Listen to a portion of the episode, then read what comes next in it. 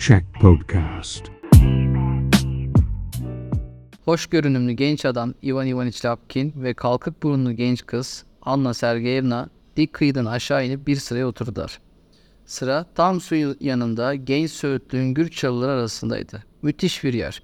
Burada otursaydınız bütün dünyadan saklandınız demektir. Balıklar ve yüzünde şimşekler çizen su örümcekleri görebilirdiniz sence. Gençler olta, kepçe, solucan, kavanozları ve av için gerekli diğer gereçlerle donanmışlardı. Oturur oturmaz balık tutmaya koyuldular. Sonunda yalnız kalabilmemize seviniyorum diye başladı söze Lapkin, çevresine bakınarak. Size söylemem gereken çok şey var Anna Semyonovna. Çok fazla şey. Sizi ilk gördüğümde kaptı zokayı. Yaşamın nedenimi anladım. Alın teriyle kazandığım, onurlu hayatımı adayacağım sahnemin nerede olduğunu öğrendim. Büyük bir balık kapmış olmalı.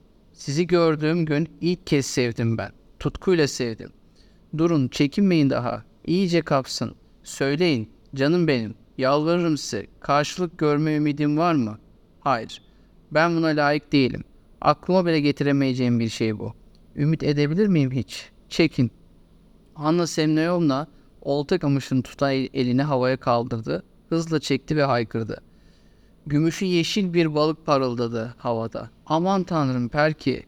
Çabuk düştü. Perki kancadan kurtulup düştü.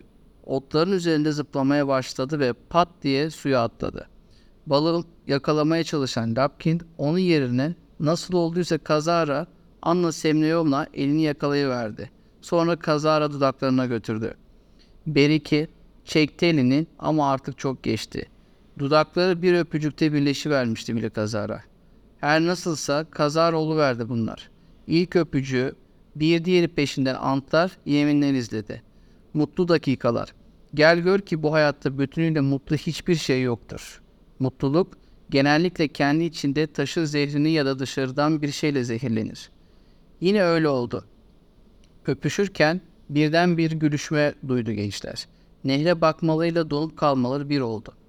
Bir erkek çocuğu beline kadar suyun içine dikilmekteydi. Kolya'ydı bu. Anna Semyonovna'nın liseli erkek kardeşi. Suyun içinde duruyor, gençlere bakıyor ve silsil silsil gülüyordu.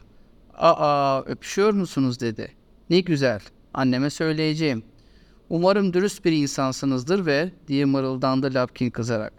Başkalarını gözetlemek namussuzluktur. Laf yetiştirmek ise alçaklık. İğrenç bir şey. Dürüst ve onurlu bir insan olarak sizin bir ruble verin. Söylemem dedi onurlu insan. Yoksa söylerim. Lapkin cebinden bir ruble çıkarıp kolyeye uzattı. Beriki parayı ıslak yumruğunun içinde sıktı. Islık çaldı ve yüzüp gitti. Gençler o gün bir daha öpüşmediler. Ertesi gün Lapkin Kolya'ya şehirden boya ve top getirdi. Ablası ise ona hap kutuları hediye etti. Daha sonra köpek suratlı düğmelerini de hediye etmesi gerekti.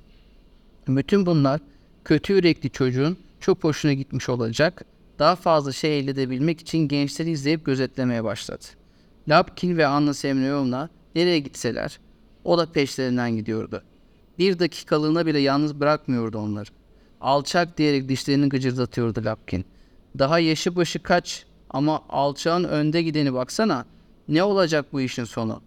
Bütün Temmuz ayı boyunca Kolya zavallı aşıklara rahat vermedi. İhbar edeceği tehdidini savuruyor, gözetliyor ve hediye talep ediyordu. Aldıklarıyla yetinmiyor, en sonunda lafı cep saatine getirmeye başladı. Ne dersiniz? Saat sözü vermek zorunda kaldılar çocuğa. Bir keresinde öğle yemeğinde tatlı servisi yapılırken kahkahayı patlattı Kolya. Tek gözünü kırptı ve Lapkin'e dönüp söyleyeyim mi he dedi. Lapkin kıpkırmızı oldu ve tatlı yerine peçeteyi yedi.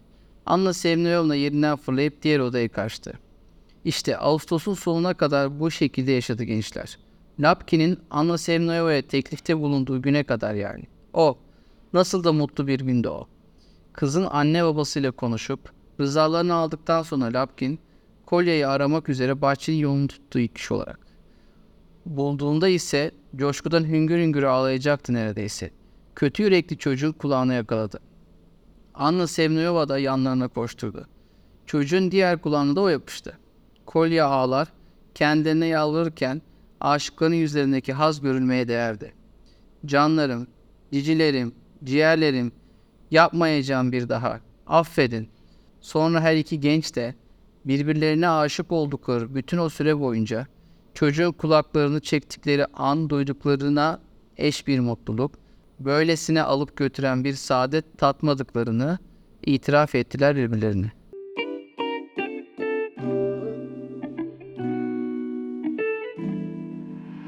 Check Podcast